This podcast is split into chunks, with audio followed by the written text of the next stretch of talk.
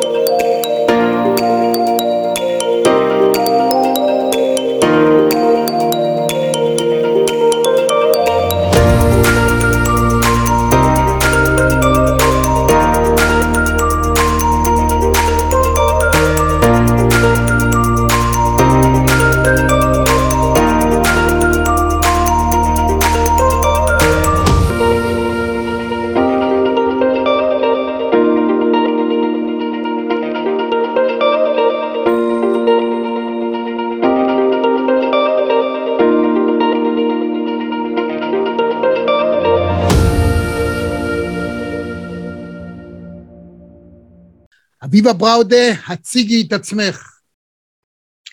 אז אה, אני אביבה בראודה, מוזיקאית ויוצרת אירועי קונספט, עוסקת במספר תחומים. היום התכנסנו אה, לדבר על החלק של המוזיקאית. אז כמוזיקאית אני זמרת, מנצחת מקהלות, בעלת בית ספר למוזיקה ומרצה.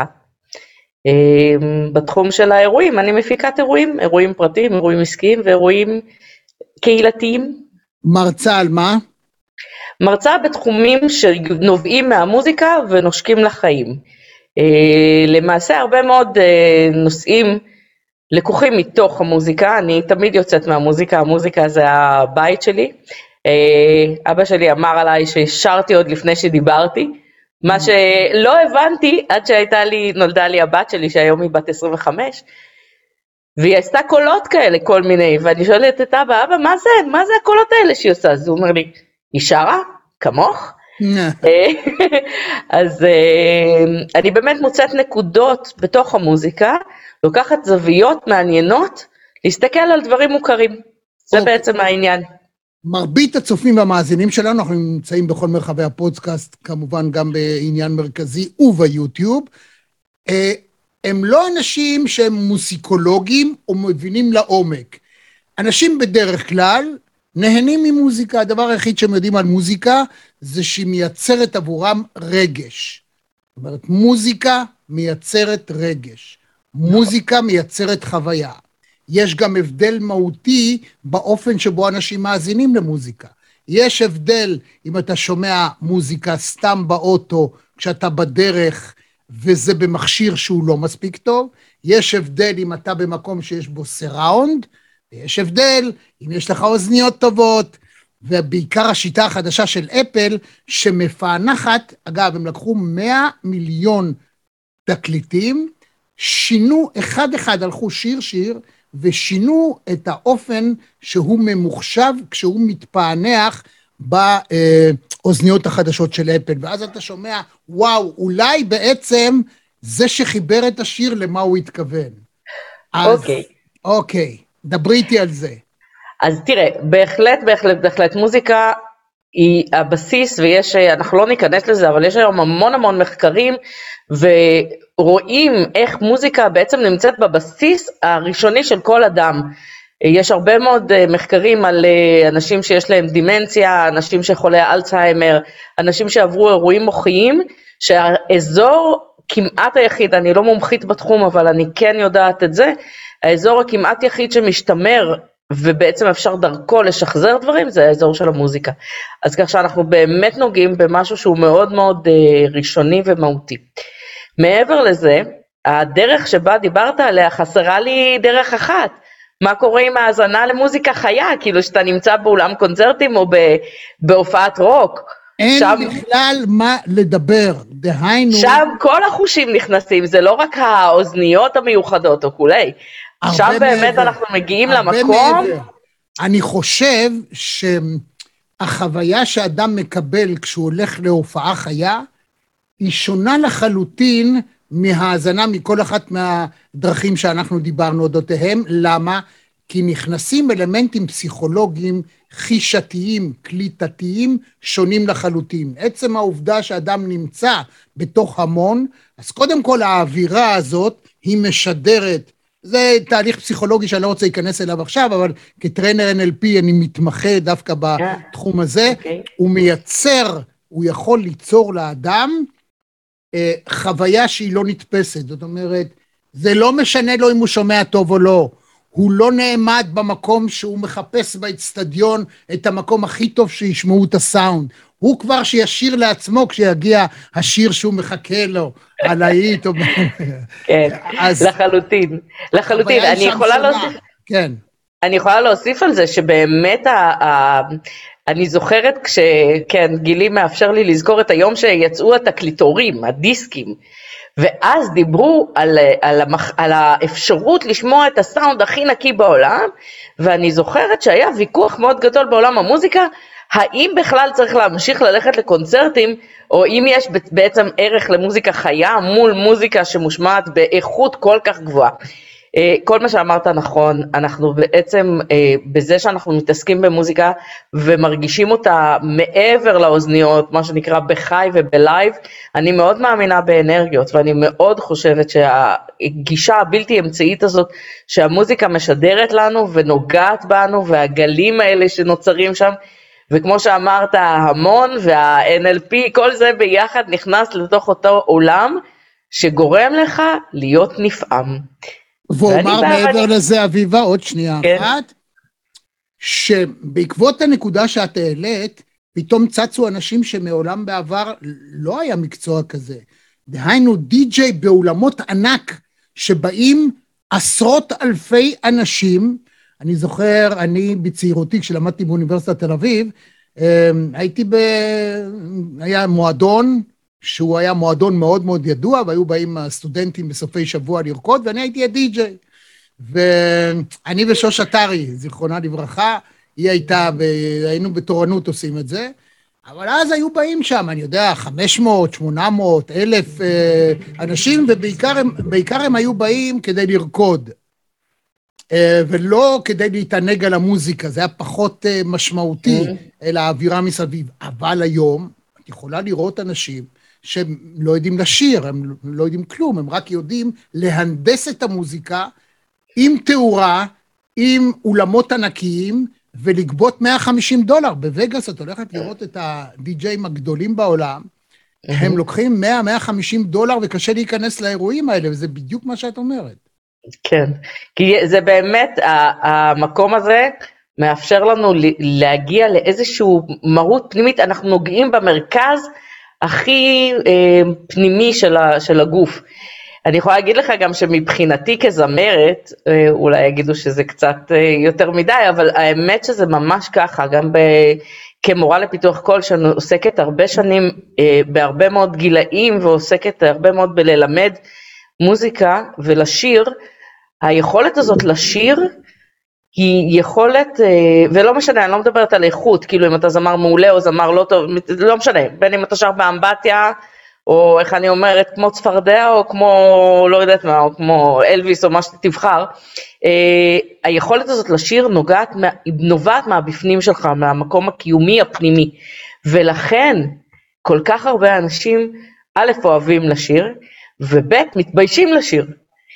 כי כשאתה מוציא וחושף את הקול שלך קדימה, ומוציא בעצם את הקרביים שלך, אז זו חשיפה סופר סופר סופר גדולה, זו חשיפה באמת שהיא מלווה בהרבה מאוד דברים, אה, אבל יחד עם זה אין, להשוות את הכיף הזה לכיפים אחרים.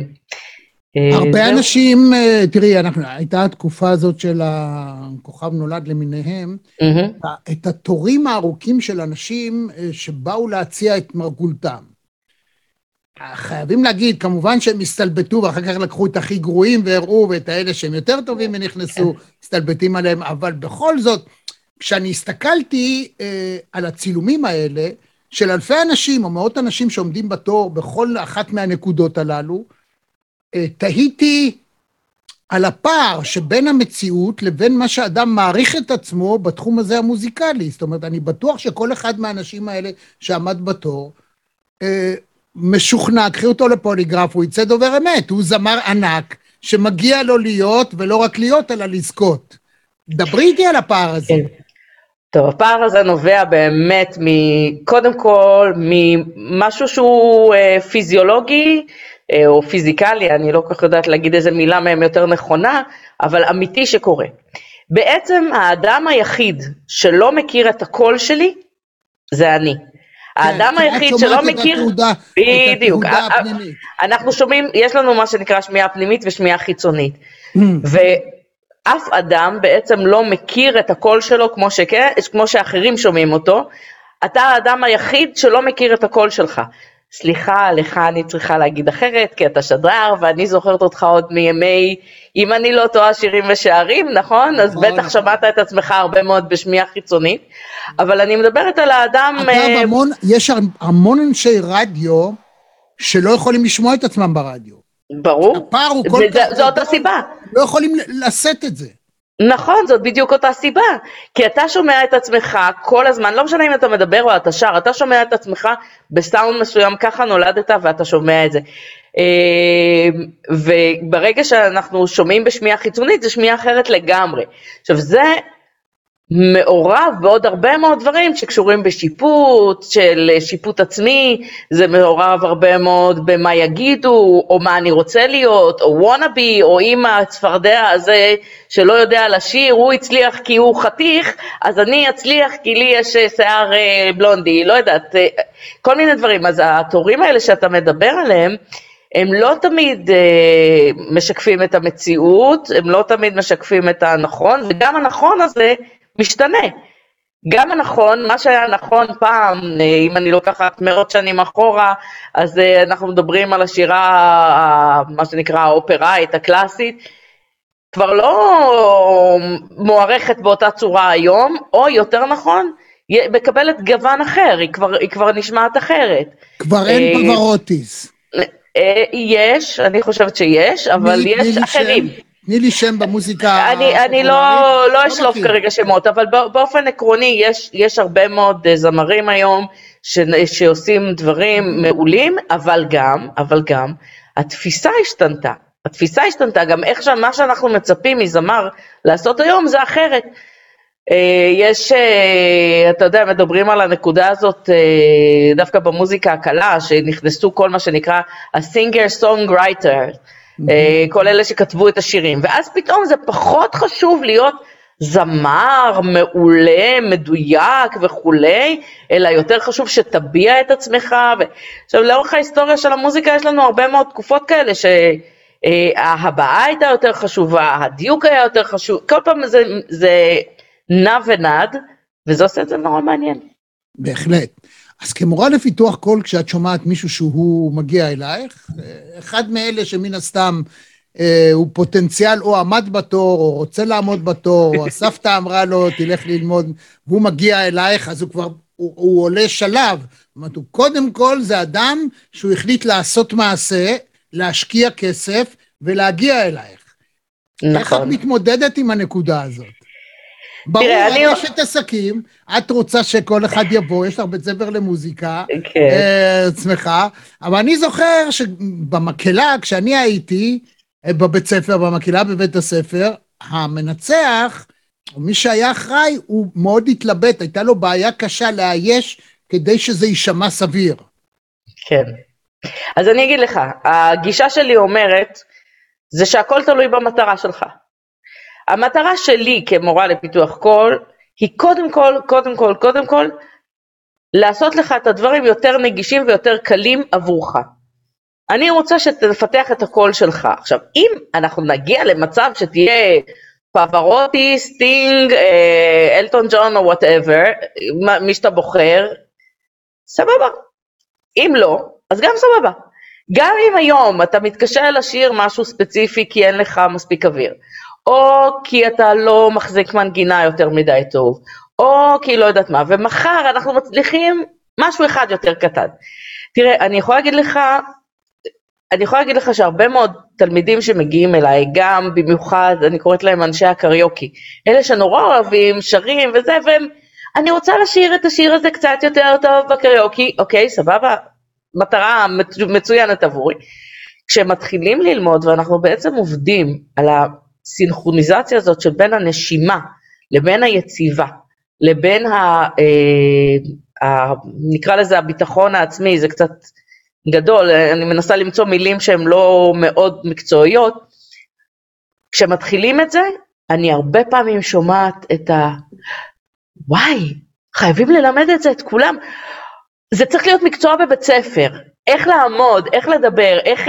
וואי, אני פתאום נושם יותר טוב. מה, אני לא מצטרד, איזה יופי. איזה... הדברים האלה, שכאילו לוקחים כמובן מאליו, מה, כולם מדברים. בוא אני אתן לך דוגמה מהספורט.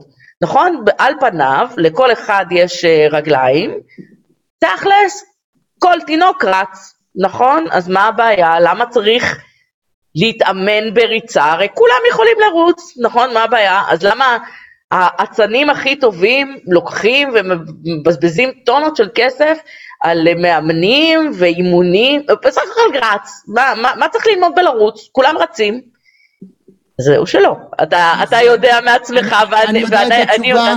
אני אתן לך את התשובה שתמיד אה, אמרו על פרנק סינטרה. טכניקת הנשימה של פרנק סינטרה, אולי היום, אם הוא היה חי היום באמצעים שקיימים היום, שניתן לפענח ולהראות את זה בצג במחשב, אפשר היה להבין איך הוא עושה את זה. משום שמעולם אף אחד, כולל כמובן הזמר עצמו, לא הצליח להסביר ולא הצליחו להבין את טכניקת הנשימה שלו, שאפשרה לו להבקיע מתוך גרונו, או אני יודע, השרעפת, או הפה, כן. או הראש, את הצליל המדהים הזה שהוא היה מסוגל לעשות. בלתי נתפס. וגם הטיימינג, וגם הטיימינג. כן, ואם רק שמעתם עליו, אתם יודעים, תכתבו לכם ביוטיוב אה, פרנק סינטרה, תקשיבו ככה ברקע לכמה שירים שלו, תראו, זה איש מדהים, באמת. כאילו... לגמרי. לגמרי. אז, אז, אז זאת אומרת, אם לא נולדת פרנק סינטרה, אז גם אם אתה ננסי, וזה לא יעזור לאף אחד, כי הוא, הוא ניסה ללמד את הילדים שלו ולא עזר. אבל צריך לדעת ללמד, אתה יודע, לא כל מי ששר, לא כל מי שמומחה בתחומו אה, כאומן, יודע ללמד. זה שתי דיסציפלינות שונות. זה נכון, זה נכון שאתה אה, אה, חייב להרגיש משהו בגוף שלך, אבל זה לא אומר שאתה חייב להיות הזמר הכי מפורסם, הכי מצליח, כדי להיות המורה הטוב. יש, יש הבדלים אה, גם בגישה, גם ב, ביכולות, אנחנו לא ניכנס לזה כרגע, אבל הדרישה להיות אה, אותו performer, אה, לקחת את הפרנק סינטרה, אני אוסיף את ברברה סטרייסנד uh, ועוד כאלה וכאלה אילנות שאנחנו יכולים להתעלות בהם, uh, זה לא בהכרח שאתה מסוגל לפרק את מה שאתה עושה לפיסות כאלה שמאפשרות לך ללמד אותם, זה לא בהכרח שאתה יודע איך לבנות את הדיסציפלינה כל כך נכון כדי להנגיש אותה לאחרים, וזה לא בהכרח שאתה יודע איך לעשות את מה שאצלך כל כך טבעי ובא בקלות ובלי מאמץ, איך אתה לוקח בן אדם שזה לא בא לו בקלות ואתה מוביל אותו לשם. זה דיסציפלינה אחרת לגמרי. ב-NLP אנחנו תמיד מלמדים, אומרים כדי להצליח בעיקר בעסקים וכדומה, אתה עושה, זה נקרא מודולינג. אתה לוקח אדם שהוא מצליח, אתה מפרק, א', יש שיטת תחקור, איך אני שואל אותך שאלות, ומהתשובות שלך אני אלמד את הדברים שאת בעצמך לא יודעת על עצמך, ויכול לנתח את הצלחתך, ומזה אני בונה מודל שצריך להתאים לי או ללקוח, מה הוא כן יכול ומה לא, כי בסוף, בסופו של דבר גאונות אי אפשר ללמד. אף אחד נכון. לא יכול ללמד אף אחד לא להיות מסי, ולא להיות, אם אה, הזכרת את הספורט, ולא אה, להיות פרנק סינטרה או אלוויס. זאת אומרת, נכון. גם אנשים עם נימת קול, יש כל כך הרבה אנשים שמחקיינים של אלוויס, שנשמעים בדיוק כמוהו, ואפילו טיפה יותר טוב, אבל הם לעולם לא יכולים להיות אלוויס. אבל לעולם, אבל זו תפיסה שמראש נידונה לכישלון. כן. כי גם אם אתה הבן אדם הכי מדהים בעולם, גם אם אתה, אני לא יודעת מי, או הבן אדם הכי פשוט בעולם, אני לעולם לא אהיה אתה, לא רק בקטע שאני בת ואתה בן, אלא גם בשום קטע. ברור. אני, זה לא משנה מה אני אעשה, אני לא אהיה מישהי אחרת חוץ מאני. ולכן כשאנחנו באים ועובדים עם בן אדם על הקול שלו, על, ה, על הפרזנטציה, איך הוא מגיש את עצמו, איך הוא עומד, איך הוא יושב, איך הוא מדבר, איך הוא שר, לא משנה מה, אתה תמיד חייב לצאת מנקודת המוצא וזה האדם עצמו. וברגע שאתה מנסה לעשות אותו כמו מישהו, כמו זה, אתה תשמע כמו... לא, זה בחיים, בחיים לא יקרה. המקום הוא למצוא את הטהור שלך ולדעת מה הקלפים המנצחים שלך ואיתם ללכת קדימה. אז אני רוצה להציע לכל אחד ללכת אה, לאביבה בראודה או לכל אדם אחר שהוא מלמד את זה, מפני שאגב כך, אדם יכול לפתח את אישיותו לכיוון הנכון. ופתאום נפתחים לו המון דברים, הוא לומד לפתח את הכל, אבל בינתיים יש גם תהליכים שהוא עובר במוח, ובכלל הוא פתאום קולט. עצם, כמו שאת אומרת, אה, טכניקת הנשימה והעמידה וה standing ואיך לעשות ולקבל יותר ביטחון עצמי, איך אגב אתה ממסך את עצמך ולא מעניין אותך התגובות. אתה בא לתת את שלך, אתה נותן. וגם אם מישהו יגיד, אנחנו חיים בעידן שבו מה שלא יהיה, את תהיי הגאונה הכי גדולה בעולם, תיכנסי למדיה החברתית של אה, ליאו מסי, תראי מה כותבים עליו אנשים. ברור. את, זה לא נתפס, כאילו מישהו יבוא מהערך, איך אתם לוקחים אדם כזה וכותבים עליו דברים כל כך רעים, שלא לדבר על פרנק סינטרה, איך התעללו בו והמציאו עליו דברים. אז אם לא יכולים על השירה שלו, אז ילכלכו אותו במשהו אחר, הרוב זה מומצא, בעיקר אנחנו חיים בעידן ה fake news, אין שום בעיה לאנשים להגיד מה שהם רוצים, איך שהם רוצים, ומה שאני מציע, אל תשימו לב, לכו בדרככם. עכשיו תני לי... אומרת. אני אומרת, סליחה, אני אומרת שלכל אחד צריך להיות עמוד שדרה. ברגע שיש לך עמוד שדרה ואתה יודע למה אתה עושה את הדברים האלה ויש לך את ההצדקה הפנימית שלך לדברים ואתה יודע שאתה עשית הכל שביכולתך היום להיות הטוב ביותר שאתה רוצה ויכול להיות, לא ever, לא זה, אז ברגע שיש לך עמוד שדרה אתה בעצם לא, יכול, לא יכולים לכופף אותך למקומות האלה. בואי נדבר קצת על מקהלות.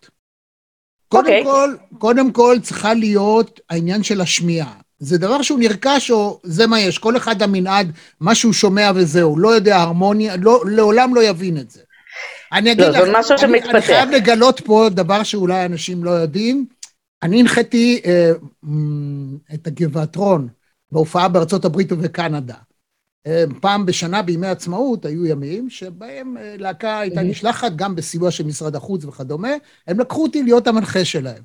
והיינו, כן. זה היה מסע מדהים, ארך כחודש ימים, מבחינתי בלתי נשכח. גם הנחיתי אה, יחד עם מוישיק תימור את הלהקות של גברי לוי. כן. אז אני את הצעירה, הוא היה, ה... מוישיק היה את הבכירה. וחייתי מאחורי הקלעים של הדבר הזה, לראות את החיים של אותם אנשים ואיך הם מתאמנים, ובעיקר להגיע להרמוניה. זאת אומרת, לשמוע את הגבעתרון זה היה מדהים. עכשיו, לפעמים היה להם הרכבים שונים, ואז הצליל היה אמור להישמע אותו דבר, או לא היה נשמע אותו דבר, הוא היה עושה אדפטציה. דברי איתי על הנושא של המקהלות. תראה, אמ, זה נושא ענק ומעניין מאוד, דברי ברמת, ברמת מאזין פשוט שהוא לא מוזיקה. בדיוק, אז לכן אני, לכן אני חושבת איך לפשט את הדברים. אני אענה דווקא מהשאלה ששאלת אותי קודם, כן זה נרכש. זאת אומרת, mm. זה נרכש. אתה יכול להתאמן בלהיות יותר מדויק, אתה יכול להתאמן בלהקשיב.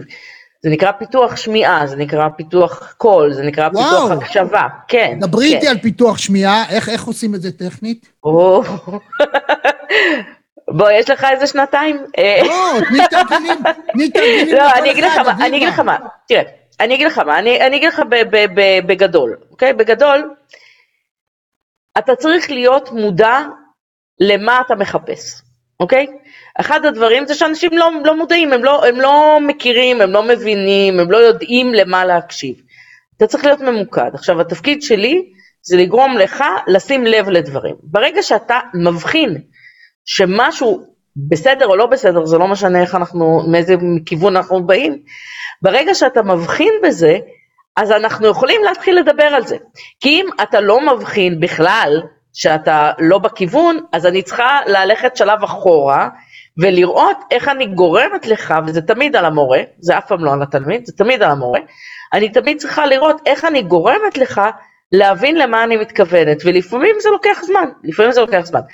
אבל מרגע שאתה אה, מבחין ומתחיל לשים לב לפרטים, פתאום דברים מתחילים להסתדר. עכשיו, יש את השלב הבלתי אפשרי הזה, שהוא שובר, הוא באמת שלב שובר, שבו אתה כבר לא יכול לשיר או להיות כמו שהיית, כי אתה כבר מכיר בדברים, ומצד שני, אתה עוד לא מספיק, סליחה על המילה טוב או, או, או מיומן, האמת שהמילה היא מיומן, אתה לא מספיק מיומן בלהיות מה שאתה רוצה להיות, ואז יש את השלב התסכול הנוראי, הנוראי, הנוראי הזה, שאתה נמצא בין לבין לבין, אתה כבר לא יכול לעשות מה שעשית, אתה עוד לא מספיק מיומן לעשות את הדבר שאתה רוצה להיות, ואתה בשלב כזה שאתה אומר, טוב, אז לא.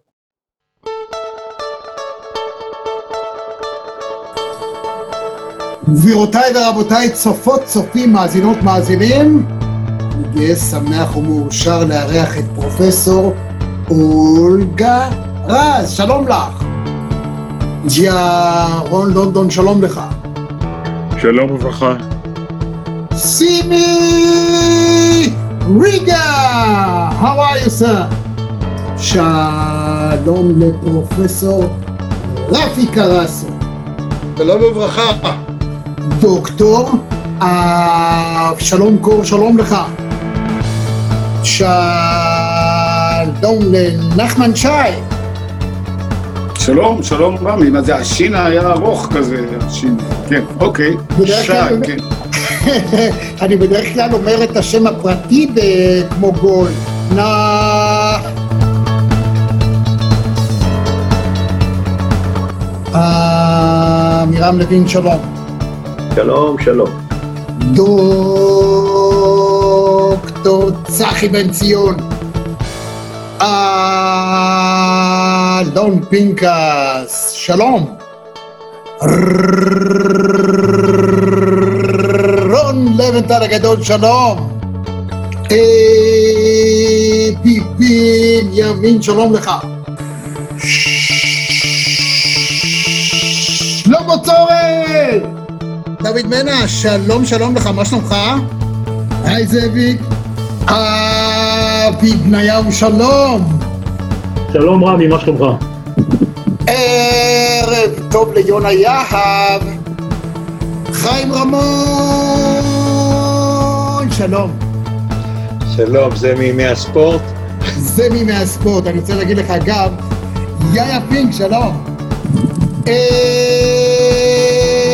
אלדד יניב, שלום רב לך. ערב טוב לך, ג'ודי, אנחנו בשידור חי, באוויר. ערב טוב, רמי, פעם ראשונה בחיים שלי בזום.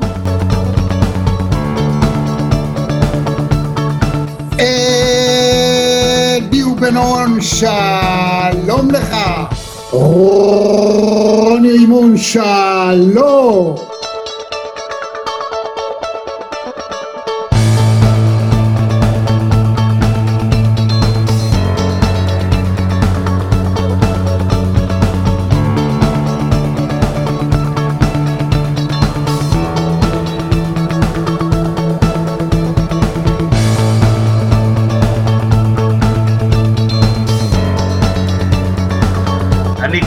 פעמיים ביום קורא את האתר שלך ונהנה מהניתוחים ומהכושר ביטוי והיכולת ניתוח.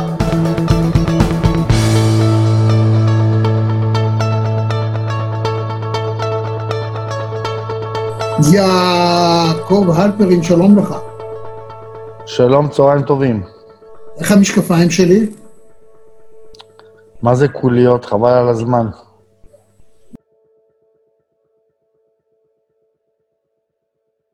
כן, מרבית אז לא. האומנים, הפסלים, הציירים, הם הולכים לקורסים, הם פתאום מבינים קומפוזיציה קצת, יודעים איך לערבב צבעים, הם יודעים את ההבדל בין... לא משנה.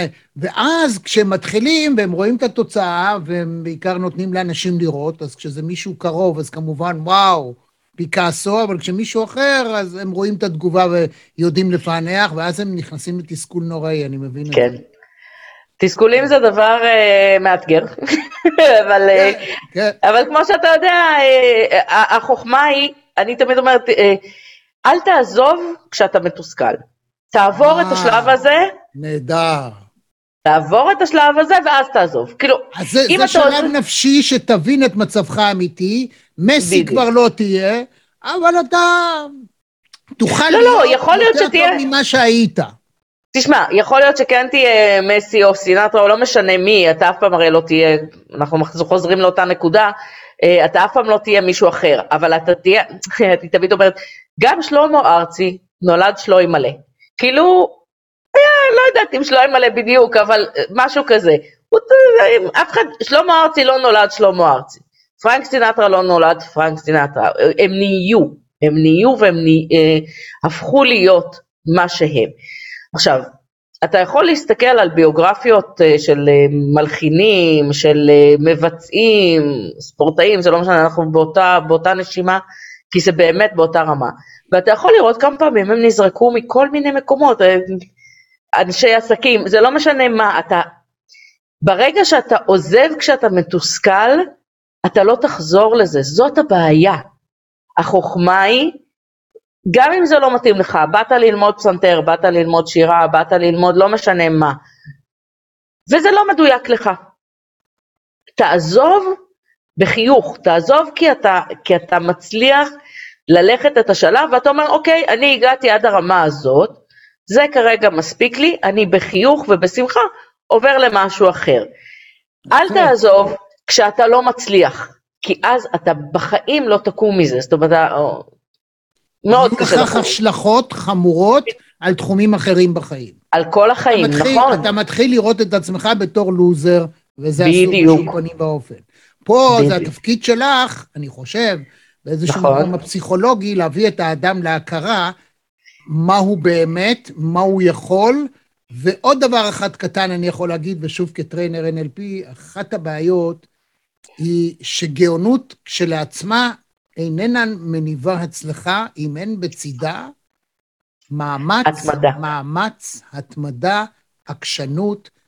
הזכרת את שלמה ארצי, שלמה ארצי אחרי שהשתחרר מה, מהצבא, מלהקת חיל הים, זרקו אותו מכל המדרגות. הוא היה סוחב על הגב, נכון. הוא ואיץ' היו סוחבים את הבוקסות, נכון. הוא היה מופיע לפני חמישה או עשרה אנשים בכל מיני מקומות בארץ, הוא נכון. התעקש, עם, עם טנדר הוא נסע, הוא עצמו היה הכל, וההתעקשות שלו בסופו של דבר הביאו אותו להיות שלמה ארצי, לא שום דבר אחר. לגמרי, וזה שהוא, שהוא היה להיט גדול בלהקת חיל הים זה סבבה, אבל לא, ברגע להקת חיל שעזבת, הים זה כמו ביתר קריית שמונה, באמת, כי להקת חיל הים, מי היה בכלל אז להקת חיל הים? מישהו שמע על שיר לפני ואחרי שלמה חוץ משוטי שוטי ספינתיו, נו באמת. אבל- כאילו, אבל הוא אפילו תשמע, לא הגיע ללהקת הנחל שהייתה, את יודעת. כן, כן, אבל, אה, אבל בסופו של דבר באמת ההתמדה, העקשנות, הרצון מוכיחים פעם אחר פעם, שאם אתה לא בן אדם לוקה בנפשך, שבאמת עם שיגעונות גדלות, ואתה מוכן לעשות את הדרך ואת העבודה, הכישרון שלך בסופו של דבר ינצוץ, וזה עניין של אה, דיוקים.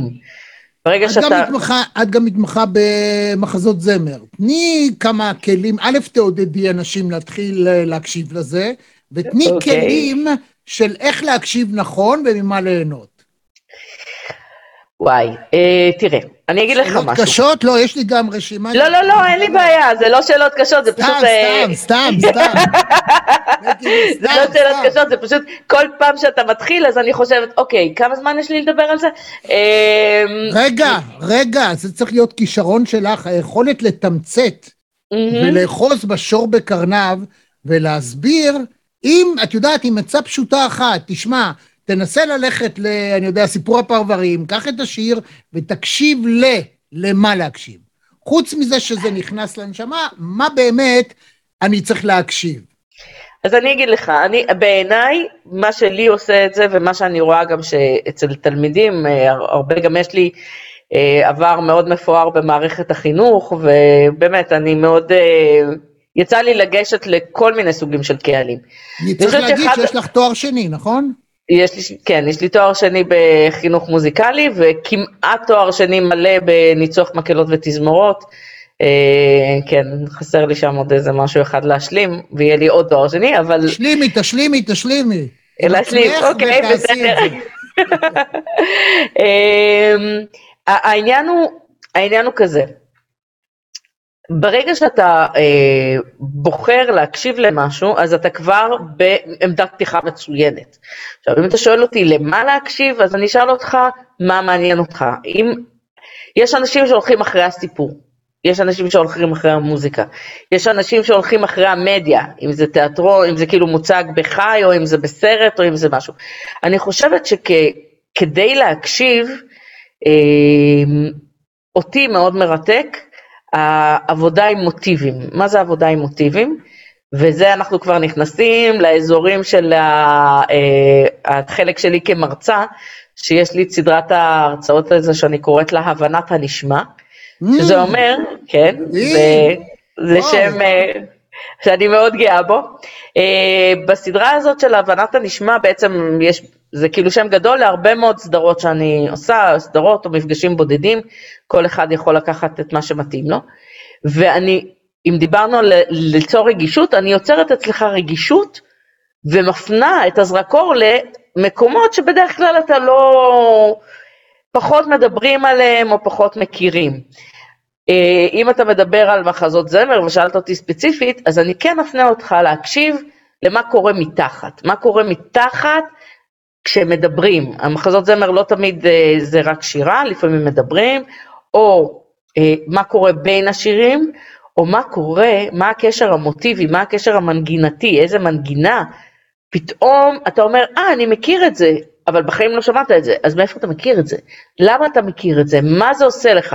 ואז מסתבר שבמערכה הראשונה, כשהוא אמר לה שהוא רוצה אה, לצאת מהבית ולפרק את המשפחה, אז היה את המוטיב הזה, היה שם איזו מנגינה שהתחבאה מתחת לטקסט, ואז שמענו את זה עוד פעם באיזה נקודה, ואז עוד פעם באיזה נקודה, ואז בפעם השלישית, הרביעית, כשזה הופך להיות נאמבר, מה שאנחנו קוראים שיר גדול עם טקסט וזה, אתה כבר בעצם מכיר את זה, אבל בחיים לא שמעת את זה.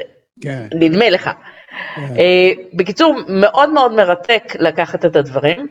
Uh, מבחינתי העולם של מחזות הזמר הוא מרתק ומופלא.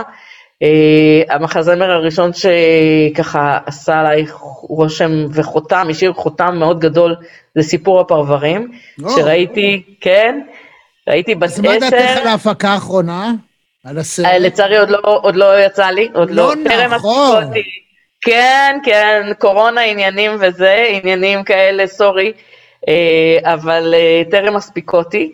אה, אבל זה היה, הייתי בת עשר, וזה היה בטלוויזיה, וההורים שלי אמרו, זהו, בואו, תקשיבו, זה משהו, ואני זוכרת שראיתי את זה, ונשארתי פעורת פה לחלוטין, ומיד אמרתי, אני חייבת לראות את זה עוד פעם, ואז בימי בקושי היה וידאו, ואמרתי איפה אני יכולה לראות את הדבר הזה, ובאמת עשינו אה, מאמצים מאוד גדולים, והביאו לי איזה אה, סרט מארצות הברית, ושלחו לי באיזה וידאו. בקיצור, אה, זה, תמיד, זה נשאר לי ככה בצורה. ואני יכולה להגיד לך שלימים, כשעבדתי במשרד החינוך, כשהייתי, עבדתי עם גילאי חטיבת ביניים תיכון, בניתי תוכנית לימודים שלמה שעד היום אני יודעת שיש אה, מורים שמשתמשים בה, שנקראת מהמחזמר אל האופרה. Mm. כי ניצלתי את, ה, את הרעיון הזה של אה, שאנשים מאוד מתחברים לסיפור, בסופו של דבר אופרה, מחזמר, זה מה שאנחנו קוראים היום טלנובלה. זה הסיפור והדרכים והעניינים והכל, ורק, אה, איך אמר הבמאי הגדול פיטר ברוק, הוא אמר, במקום שהמילים נגמרות, הלב מתחיל לשיר. וזה בשבילי מחזמר ואופרה שבהם אתה באמת, אתה כבר, אין לך כבר יותר מילים, אתה כבר לא יודע מה להגיד, ואז פתאום הדבר הכי טבעי והכי ברור שאתה צריך לעשות זה לשיר. ואם אתה שואל אותי ככה, אז למה להקשיב? אז תקשיב לאנדרים, תקשיב למוזיקה שיש מתחת לטקסט, תחפש איפה שמעת את זה קודם בתוך הזה, ותראה למה דווקא פה יש שיר? מה זה מקדם בעלילה? איזה, איזה רגש, איזה, איזה, מה קורה לדמות אחרי שהיא שרה? מה פתאום אנחנו יודעים עליה? איזה מידע יש לנו? איזה עולם נפתח? אמ, וזה באמת, זה, זה נושא מרתק. זה נהדרת, בעיקר בימים אלה, שבו, בהם אה, לחלק מהאנשים יש הרבה יותר זמן, אז... אה, ואם אתם תלכו ליוטיוב, תכתבו כל מחזמר, בכלל תכתבו מחזות זמר ותוכלו לראות אה, אין סוף סרטים בחינם, לא צריך להיות מנוי בשום דבר ולא עולה כסף. אפשר להתחיל לראות. כמובן שהטכניקה היא אחרת של פעם, מחזמר הוא יותר ארוך, יותר ממושך, אנחנו, רגיש, אנחנו רגילים שהשיאים והמשברים הם הרבה יותר תכופים. המוח שלנו התרגל, ולכן היום תסכיתים ומחזות ואפילו שירים נכתבים אחרת מאשר פעם אחת, שהיה רק פיק אחד, היה צריך להיות לא, כל סרט, היה צריך להיות בערך כל שמונה או עשר דקות, היה צריך להיות איזה שיא, אחר כך משבר, השלמה והתפתחות, כל הזמן כן. צריך להיות את ה... יש, היום זה, זה פשוט מדע, איך כותבים תסריטים. נכון, עם חתך הזהב בשני שליש וכל זה, יש, יש הרבה מאוד, אה, יש הרבה מאוד אה, נוסחאות, אבל אתה יודע, כבר ב, בימיו של מוצרט אני יכולה להגיד, אה, הנוסחה ישנה, אבל מה הגאונות של מוצרט? זה לקחת את הנוסחה, לגרום לך לחשוב שהוא באותך, בתוך אותה נוסחה, הוא נשאר בפורמט שכאילו נשמע נכון, וכשאתה מפרק את הדברים וסופר, אתה אומר, רגע, זה בעצם לא סימטרי, זה לא ארבע תיבות מול ארבע תיבות, זה ארבע תיבות מול חמש תיבות, אז למה, איך קורה שאני שומע את זה כל כך מדויק? איך, איך אני, רגע, זה לא סימטרי, תשע, ארבע וחמש זה לא אותו דבר. איך אני שומע את זה סימטרי? מה יש שם? וזה מה שאני קוראת, הגאונות של לצאת מהקופסה, אבל בשביל זה אתה צריך קופסה.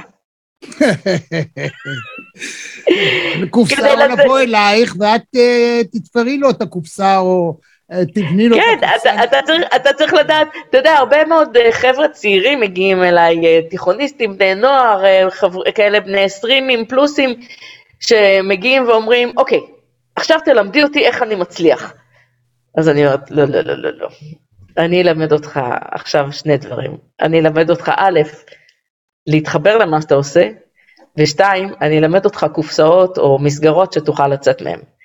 זה מה שאני יכולה ללמד אותך. להצליח או לא להצליח, זה כבר מה שדיברנו מקודם, על התמדה ועל כישרון ועל מזל ועל הרבה מאוד דברים שקשורים באמצע, וכן, אני יכולה ללוות אותך ולגרום, ולשמחתי אני יכולה להגיד שיש לי תלמידים שכבר אה, ליוויתי אותם דרכים רבות, ואנשים שבאמת... אה, מביך קצת להגיד כאן, אבל באמת בכיף, אה, יש לי תלמידים שבאמת קריירות שלמות כבר אה, נבנו בזכות ליווי שעשיתי איתם, אה, בין אם זה קריירות בחינוך או קריירות בפרפורמינג או לא משנה מה. ואני מאוד גאה בזה, אני מאוד גאה בתלמידים שלי ובאנשים שאני מלווה אותם. לתוך העולם הזה שהוא באמת לא פשוט, ואתה צריך מישהו שיאמין בך, ומישהו שילך איתך יד ביד, ומישהו שייתן לך את הקצה של הסיכוי להגיד, אוקיי, אני, אני איתך, וזה לפעמים מספיק, ולפעמים הרבה מאוד. יוצא מן הכלל. מה אני רואה מאחורה? אני רואה מין, מין לוח שנה כזה, מה, מה, מה? את שמת את זה כרקע, תסבירי לי מה זה. האמת שזה רקע שמלווה אותי הרבה מאוד זמן, זה, אמ, זה החברה שלי שעוסקת בהפקת אירועים. אה. אה, יש שם, זה פחות קרוש נושא לענייננו, אבל יוצא לי זומים בעיקר בנושא הזה של אה, אירועים. אז יש לי חברה שנקראת ויבנט, שזה אמ, הפקת אירועים עם קונספט, אני מפיקה אירועים ייחודיים, עם תכנים, גם מיוחדים שאני יוצרת. גם לעסקים, גם לפרטיים וגם אירועי קהילה, אני יכולה להגיד לך איפה שעשיתי... את, אה, איפה את עובדת? איפה את מסתכלת? באיזה מקום בארץ את נמצאת? את שוהה, את עובדת? הבית ספר איפה? אוקיי, אז ככה, אה, אני גרה במושב מקסים שנקרא שער אפרים, שהוא נמצא על יד כפר יונה. על אזור כביש 6. נתניה? אזור נתניה? נכון, נכון, אזור נתניה, כביש 57, כביש 6, איפשהו שם באמצע, אה, בין השדות והבתים הפרטיים, מה שנקרא, בכיף, בשקט הנפלא הזה. אה, מפה אני עובדת בכל מקום שמזמינים אותי ורוצים, בארץ ובעולם, בטח בנושא הזה של האירועים. אז אה, יצא לי גם לעשות, להפיק אירועים אה, בארצות הברית ובקנדה וב... ועם אנשים שמגיעים לחו"ל לארץ וכל מיני. הבית ספר עצמו, בית ספר שנקרא ויבאצ'ה, שוויבאצ'ה זה שם מקסים, שהוא ככה. הרבה אנשים מכירים את המילה אלגרו. אלגרו זה קצב מהיר, נכון? כן. אז במוזיקה, לפני שהיו אה, מה שנקרא היום ה-BPMים, המדידות המדויקות, היה צריך להסביר איך לנגן את התווים. אז היו שמים מילים שאומרות, תנגן בקצב מהיר, תנגן בקצב מתון, תנגן ככה, וכל המילים האלה באיטלקית. אז ויבאצ'ה זה חי, ערני ובועט, שזה רמה אחת מעל אלגרו, כאילו זה קצת יותר נמרץ, ויבאצ'ה חי, ערני ובועט, וויבה, אני אביבה, אז איכשהו אה, התחבר אליי גם במזג וגם במשמעות וגם בסאונד של וואו. השם, וכשחיפשתי את השם לחברת אירועים שלי, אז אה, ויבאצ'ה, ויבנט, ויש לי עוד משהו חדש חדש חדש שיוצא בימים אלה ל- לשימוש, זה עוד אה, אגף בחברה שנקרא ויבנצ'ר, שזה למידה לעסקים, שזה סדנאות ועמידה בפני קהל ובניית מצגות וכולי. בקיצור, עסק אה, גדול שנקרא 3V, שלושה V, ויבאצ'ה, ויבנט וויבנצ'ר. זה ככה, בהכי גדול, הכי מתומצת שאני יכולה להסביר. ויבה לאביבה. וואלה, אה, כן, אוקיי, זה ה- היה- הי- הייתה שיחה מעניינת אה, מאוד. אה, אנחנו כאן למטה, יהיה כאן אה, דרך איך להגיע אלייך, למי שרוצה, מי שמתעניין. היה ממש כיף גדול לדבר. לא שרת לי בכלל. לא שרתי וגם לא דיברנו על ה... על ה... לא, תני לי איזה... או, סולומיו, כזה משהו. אז לא כזה, אז לא כזה, אבל אה, אה, לא דיברנו בכלל על ההרצאות שאנחנו, שאני מדברת עליהן, לא, אה, במסגרת של ויבאצ'ה בסלון, של אה, הבנת הנשמע. אז... אה, לא שם- ידעתי שיש, אז בבקשה, יש לך אה, אפשרות לדבר בקצרה על הדבר הזה. אוקיי, אז אה, קצת, קצת, אה, אל תזוזו, אל תלכו לשום מקום, זה, זה, זה מאוד מעניין. תעשו אגב אה, לייק כזה, זה כיף. תירשמו מינויים, תדעו מהמרואיין הבא שלכם. בבקשה. אז אה, אה, מדובר על אה, בעצם לקחת נושאים ממוזיקה ולהביא אותם לדברים שאנחנו מכירים בחיים שלנו. למשל, קצת נגענו באיך מקשיבים למוזיקה, אז אני מדברת על יחסי מוזיקה-טקסט. אוקיי? בואו נראה מה קורה בין מוזיקה לטקסט. יש לנו שיר, מה כותבים קודם, את הלחן או את המילים? למה זה חשוב? מי משפיע על מה? ואני אומרת, יש שלושה סוגים של קשרים. יש לנו קשר של מוזיקה וטקסט שהם הולכים ביחד, אחד עם השני. יש לנו מוזיקה וטקסט שנכנסים אחד נגד השני. ויש לנו מוזיקה וטקסט שהם ביחסי אדישות, שהם לא מתייחסים אחד לשני. ודוגמאות יכולות להיות, אה, למשל, למוזיקה שמתנגדת לטקסט, אחד השירים הנפלאים של אביתר בנאי, שנקרא כלום לא עצוב. בסופו של דבר יש שם מנגינה, לה לה לה לה לה לה לה לה לה לה לה לה לה, נכון, מנגינה כיפית כזאת, היי, כזה נחמד ומקסים, וכשאתה מקשיב למילים, מישהו נכנס לחנות, דווקא נחמד מאוד, רגע כואב בחזה, פתאום הוא נופל ומת, או תיאור של אונס, או תיאור של אה, דקירה, וזה הכל בא עם מוזיקה של היי, הוי, לה לה לה לה לה, מישהו נכנס לחנות, דווקא נחמד מאוד, רגע כואב בחזה, פתאום הוא נופל ומת, בגיל 46, איזה כיף לשיר, נכון? אבל אז, כשאומרים כלום לא עצוב, הכל כרגיל, פתאום יש כזה, כלום לא עצוב, הכל כרגיל, כלום לא קורה פה, בדיוק הפוך. הרי היינו מצפים שיהיה לנו הפוך, אז למה יש את זה? ולמה בביטלס, בשיר שלהם She's Living Home, יש לנו מצב שבו בפזמון, She is living home, זה קו אחד, ובמקביל, באותו זמן, יש לנו We never thought of ourselves, never a thought of ourselves, we gave her anything money can't buy. ואם אתה מצייר את שני הקווים האלה, אתה רואה, She is leaving home. לעומת זאת, She, we never thought of ourselves, is leaving, never a thought for ourselves. Home, Home is the one thing that money can buy. מה יש לנו פה? יש לנו התרחקות.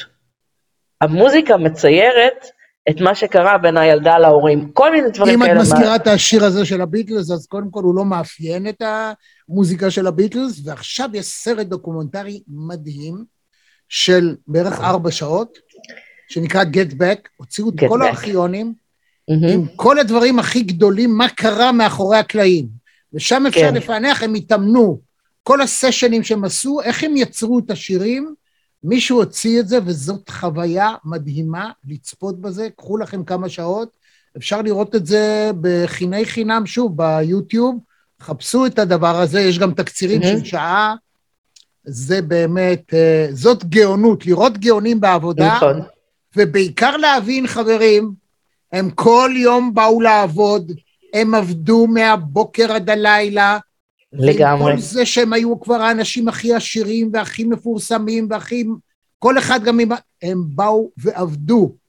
ובסוף נכון. כמה חבל שהביטלס התפרקו, כי אחד מהם, אשתו הייתה באה, או החברה שלו, היפנית, באה יום-יום, ולאט לאט היא פוררה את הלהקה הזאת מבפנים, עד שמישהו אמר, אינני יכול עוד, הרבה לפני כן. בגין, וחיסד את זה. חבל, חבל, חבל.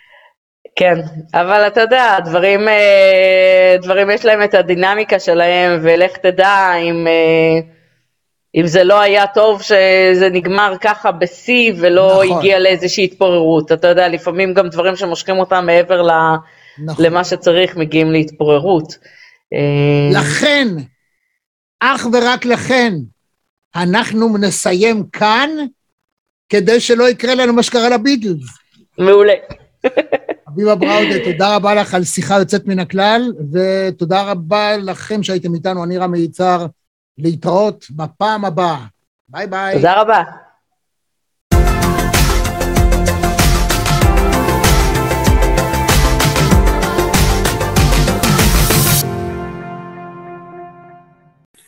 עד כאן מהדורה נוספת של מרכזי TV. אם היה לכם כיף, אם נהניתם, אנא לחצו לייק וגם על הפעמון כדי לקבל רמז על המפגש הבא שלנו. אני רמי יצהר, להתראות.